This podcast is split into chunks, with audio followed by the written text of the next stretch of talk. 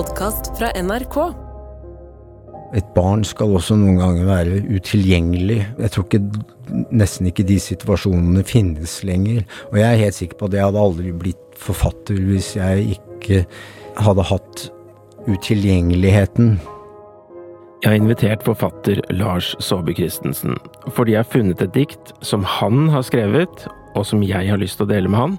Og jeg vet ikke engang om han husker at han har skrevet det, men jeg ble helt dratt inn i den bitte lille scenen som utspiller seg i teksten. Et øyeblikksbilde, egentlig, av en gutt med en nøkkel rundt halsen. Og hvorfor gjør det egentlig så sterkt inntrykk på meg? Som vanlig når jeg møter Lars Saabye Christensen, blir jeg fylt av ærefrykt og litt nervøsitet, og jeg tror det må være fordi jeg en gang leste en roman som han har skrevet, Beatles het den, og den gjorde så sterkt inntrykk på meg at jeg aldri har kommet meg helt av opplevelsen. Det er skummelt uh, dette her, da, å lese det for deg, men du, du er jo en du er jo en grei kar, uh, Lars, så du kommer ikke til å protestere underveis. Det er ingen vei tilbake fra dette punkt. Likevel, når jeg vender meg i drømme en natt mens rester av lys renner langs huden som brennmanettråder, kan jeg se en skikkelse. Han går nedover en gate i en by. Det er ettermiddag, en vår for lenge siden. Et orkester øver i nærheten, og han som går der, nesten i takt, med en nøkkel rundt halsen, var meg. Han vet ikke hvor han skal, han vet bare solen kaster lange skygger på dette tidspunkt, klokken ti over fem, 6. mai 1961. Og han, som var meg, fortsetter å gå. Det er disse skrittene jeg ennå hører gå ut av mitt liv.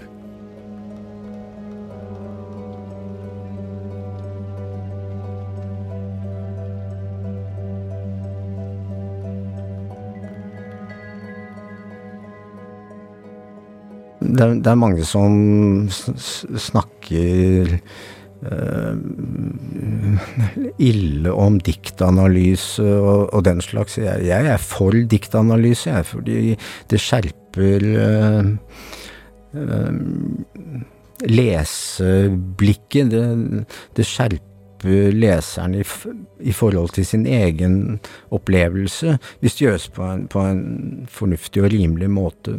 Men, jeg, jeg, men leseropplevelsen må komme før analysen. Altså Hvis det ikke er en leseopplevelse mellom leseren og analysen, så, så er det ikke noe vits i, syns jeg. Men når jeg skriver om en gutt som har en nøk nøkkel rundt halsen, så, så er jo det en visuelt. Det er en rekvisitt. Det er noe som forteller noe om, kanskje noe om gutten. Jeg vet ikke alt om det, den gjenstanden, jeg vet ikke alt som det skal bety, men jeg vet at, eller jeg antar, at det er betydningsfullt. Derfor er jeg, jeg er svært fornøyd med den nøkkelen rundt halsen. Hvis man tar bort den nøkkelen rundt halsen som denne gutten har, så vil diktet bli mye fattigere. Og så blir det veldig rikt av at det er en konkret uh, dato her, og det er veldig pirrende og litt ubehagelig uh, også. Ja, det er jeg enig i, uh, fordi Du sa jo i sted at det, det er jo ikke noe i og for seg dramatisk som skjer.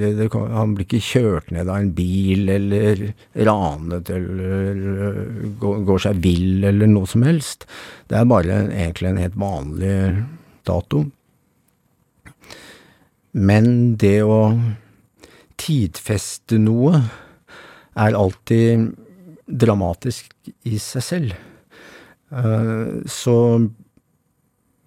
i denne ganske Hva skal man si åpne øh, Kanskje litt sånn svevende teksten, det vet jeg ikke. Så blir den datoen en sånn slags pilar, en, en støtte, en, en, et balansepunkt som er dramatisk i seg selv. Altså det blir en sånn sannsynlighetsberegning, eller hva skal man si da? Jeg vet jo at jeg har gått den én kilometer lange skoleveien min x antall hundre eller kanskje tusen ganger. Og så klarer jeg på en måte ikke å huske en konkret gang eller eller hva jeg tenkte på, eller Jeg kan føle en sånn liten panikk uh, med hensyn til det, da. At det bare er, er borte. Så jeg tror det er noe av det som Altså at dette diktet ditt også er en liten sånn rekonstruksjon av noe som med stor sannsynlighet må ha skjedd. Mm. Og så får du følelsen, og du får nærværet, og du får situasjonen veldig tett på, da, eller sånn jeg opplever det i hvert fall, selv om det Mm. på mange måter også er helt borte. Ja.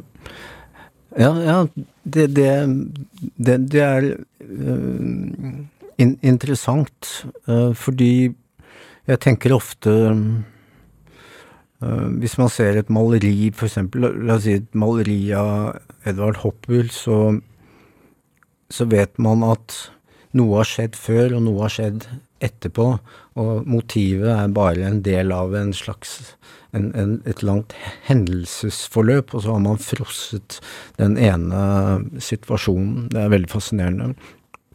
Um, og noen ganger er kan diktet sammenlignes med det, og, og, dette diktet som du nå leste, er, er, er et dikt som Hvis jeg har, klart det jeg prøvde på, da, på en måte skal romme en tid som har vært, og en tid som skal komme, i dette ene øyeblikket. Ja, nå snakker Lars Saabye Christensen om den amerikanske maleren Edvard Hopper, og jeg skjønner at det er en kunstner som står Lars nær, og som han selv har skrevet om flere ganger. Denne mannen som malte litt melankolske øyeblikksbilder, med folk som er ensomme og eller lengselsfulle, og som inviterer oss til å spekulere. Eksempel husker sikkert mange det kjente bildet Night Talks, der vi ser folk inne i en litt mørk dine-restaurant på et hjørne innenfor store vinduer. Snart skal Lars trekke også en annen kunstner ut av ermet, nemlig den nederlandske maleren Johannes Vermeer, og hans glassklare bilder av mennesker i hverdagslige situasjoner, malt for nesten 400 år siden sånn at vi kan stirre inn i dag i det knallblå blikket til et menneske som levde for lenge, lenge siden. Og det er noe av det samme, syns jeg, jo med den hollandske maleren, nederlandske maleren Vermeer, som har en stor utstilling i Amsterdam som jeg var så heldig å få billetter til og så for litt siden, hvor skikkelser malt for 400 år siden som gjør dagligdagse ting, leser et brev, skjenker melk på et kjøkken, fremdeles lever for oss fullstendig gjenkjennelige. Uh, og det, det, er rett og slett magi. Uh, og så lurer jeg på, er vi i ferd med å miste den magien ved å se på kunstverk på den måten, fordi opplevelsen på utstillingen ble faktisk nesten ødelagt av et tilskuere som presset seg frem og bare skulle ta bilde av bildet. Og da tenker jeg, da fjerner vi oss fra materialet, vi fjerner oss fra øyeblikket, vi fjerner oss fra tiden, og den der fordømte dingsten som vi tar bilder med, den gjør oss til annenrangs borgere. Bra sitat. nå så jeg automatisk for meg Det ble jo de mest opplagte verkene, da, men nå så jeg for meg folk stimle sammen foran Pike med perleøredobb av Fermer. Var det en del av utstillingen, eller det henger kanskje et annet sted? Det var det eneste bildet som ikke var der. Ja, okay. det var en viss skuffelse å spore. Ja, veldig riktig. Men ellers var alle der. Mm. Og det er ikke så, mange, ikke så mange heller. Og så er det jo sånn at når man tenker på mennesker i gamle dager, så er det en slags et, hva skal man si da, vi får en slags beskyttelse emosjonelt sett gjennom det at de ofte hadde på seg rare uh, klær, eller det, det, ser så veldig ut som en, som en annen tid, både hensyn til klær og, og, rekvisitter, og vi kan tenke at det, det, ikke har noe med oss å gjøre, men så har det jo det, da. Jeg leste en skolestil her om dagen, skrevet i 1881 eller noe sånt, av en liten gutt som fortalte om hvordan det var den dagen han En konkret dato, det også. Da han gikk opp til seteren sammen med, med faren sin, så gjenga han liksom scene for scene hva som hadde utspilt seg den dagen i 1880. Og da får man livets forgjengelighet ganske kraftig i, i fleisen, må jeg si. Ja. Men når man ser disse bildene, så finnes det et blikk, og man, et blikk som overdøver på en måte øh, opplevelsen at dette er lenge, lenge, siden, og det er et blikk som møter deg i øyeblikket, bokstavelig talt. Og det er vel det diktet også skal forsøke å gjøre med, med sin leser, og se leseren i øynene. Og hvordan opplever du det da, når du står på den utstillingen i, i Nederland og, og, får den opplevelsen? Jeg, jeg, jeg, opplever det som nesten et hellig øy, øyeblikk, fordi det er noe som er større enn oss, og det er uh, mennesker som levde for 400 år siden, fremdeles det de fremdeles kommuniserer, fremdeles snakker og taler og ser på oss. det viktigste veien inn, inn i, i, diktet ligger jo i de to siste linjene, som er eh, Hva skal man si Den skrivendes perspektiv. Og det er der tidsmotivet kommer inn. Uh, redselen for at disse minnene forsvinner. Det er disse skrittene som går ut av, av, av livet. Um, så det er for meg dramatisk i seg selv. Hva er det som gjør det dramatisk, da? Livet er ikke noe man ja, Nå blir jeg litt høytidelig, og det skal jeg prøve å unngå, men, men i, når jeg skriver, så har jeg prøvd å, å, å formulere noe slikt som at Uh, livet er ikke noe man legger bak seg. Man, man, uh, det er mye man selvfølgelig må legge bak seg, men mm, barndommen er noe som tilhører livet også, som, som er en viktig ressurs å ha med seg og, og kunne uh, være bevisst barnets perspektiv også, når man selv har blitt en meter høyere. Um, Rett og slett fordi det er med på å gjøre oss til uh, hele, hele, mennesker.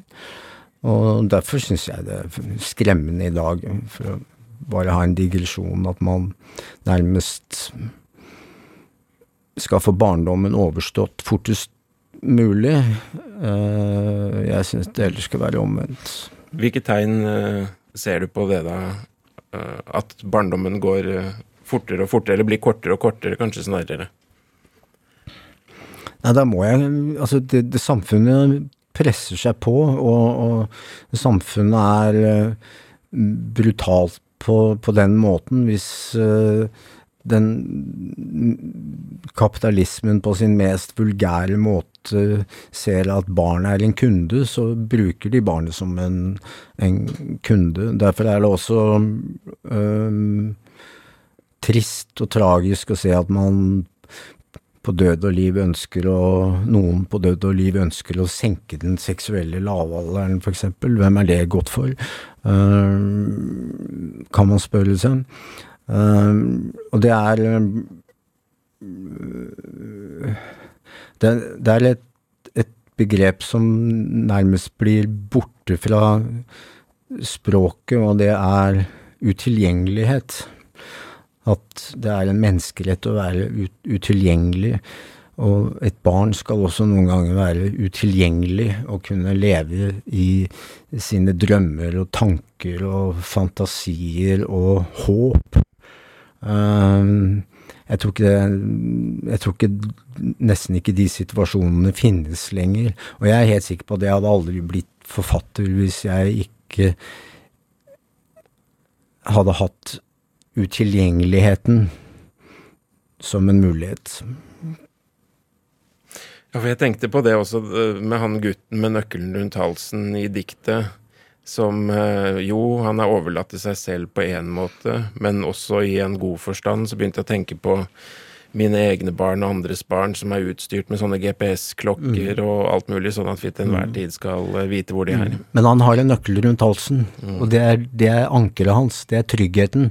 Uh, men denne La oss jeg, jeg vil gjerne, gjerne, si at han er utilgjengelig der han, den, denne gutten går. Og det er hans dannelse. Det er der han får sin, sin, sin visdom og sin dannelse i Mogn Thorsens gate den datoen.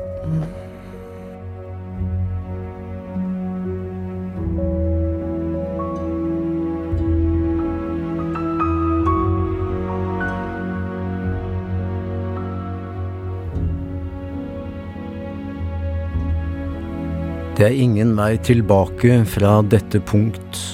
Likevel, når jeg vender meg i drømme en natt mens rester av lys renner langs huden som brennmanettråder, kan jeg se en skikkelse, han går nedover en gate i en by, det er ettermiddag en vår for lenge siden, et orkester øver i nærheten, og han som går der, nesten i takt, med en nøkkel rundt halsen, var meg. Han vet ikke hvor han skal, han vet bare. Solen kaster lange skygger på dette tidspunkt, klokken ti over fem, 6. mai 1961, og han som var meg, fortsetter å gå. Det er disse skrittene jeg ennå hører gå ut av mitt liv.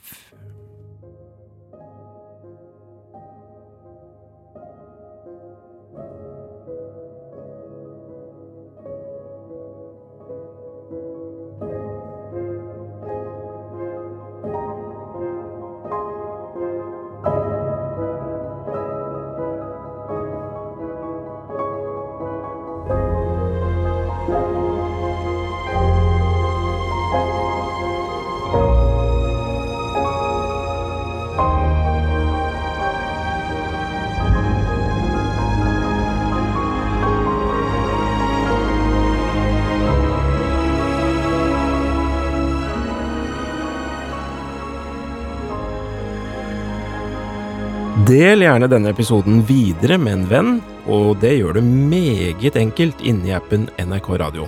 Der kan du også trykke stjerne, og dermed følge oss, og aldri gå glipp av muligheten til å finne et nytt favorittdikt. Brenner deler dikt er laget av meg, Hans Olav Brenner, Kristine Låsjus Torin og Janne Kjellberg. Redaksjonssjef er Helle Vågland. En podkast fra NRK. Mora mi, Berit, er blakk, ufør og har nettopp fått varsel om at hun blir kasta ut fra den kommunale boligen sin. No pardon, rett ut. Samtidig bor hun i en bydel med et litt spesielt navn. På trøndersk så heter det bare Skitbyen. så sånn er det. Oppi det hele så er hun verdens største optimist.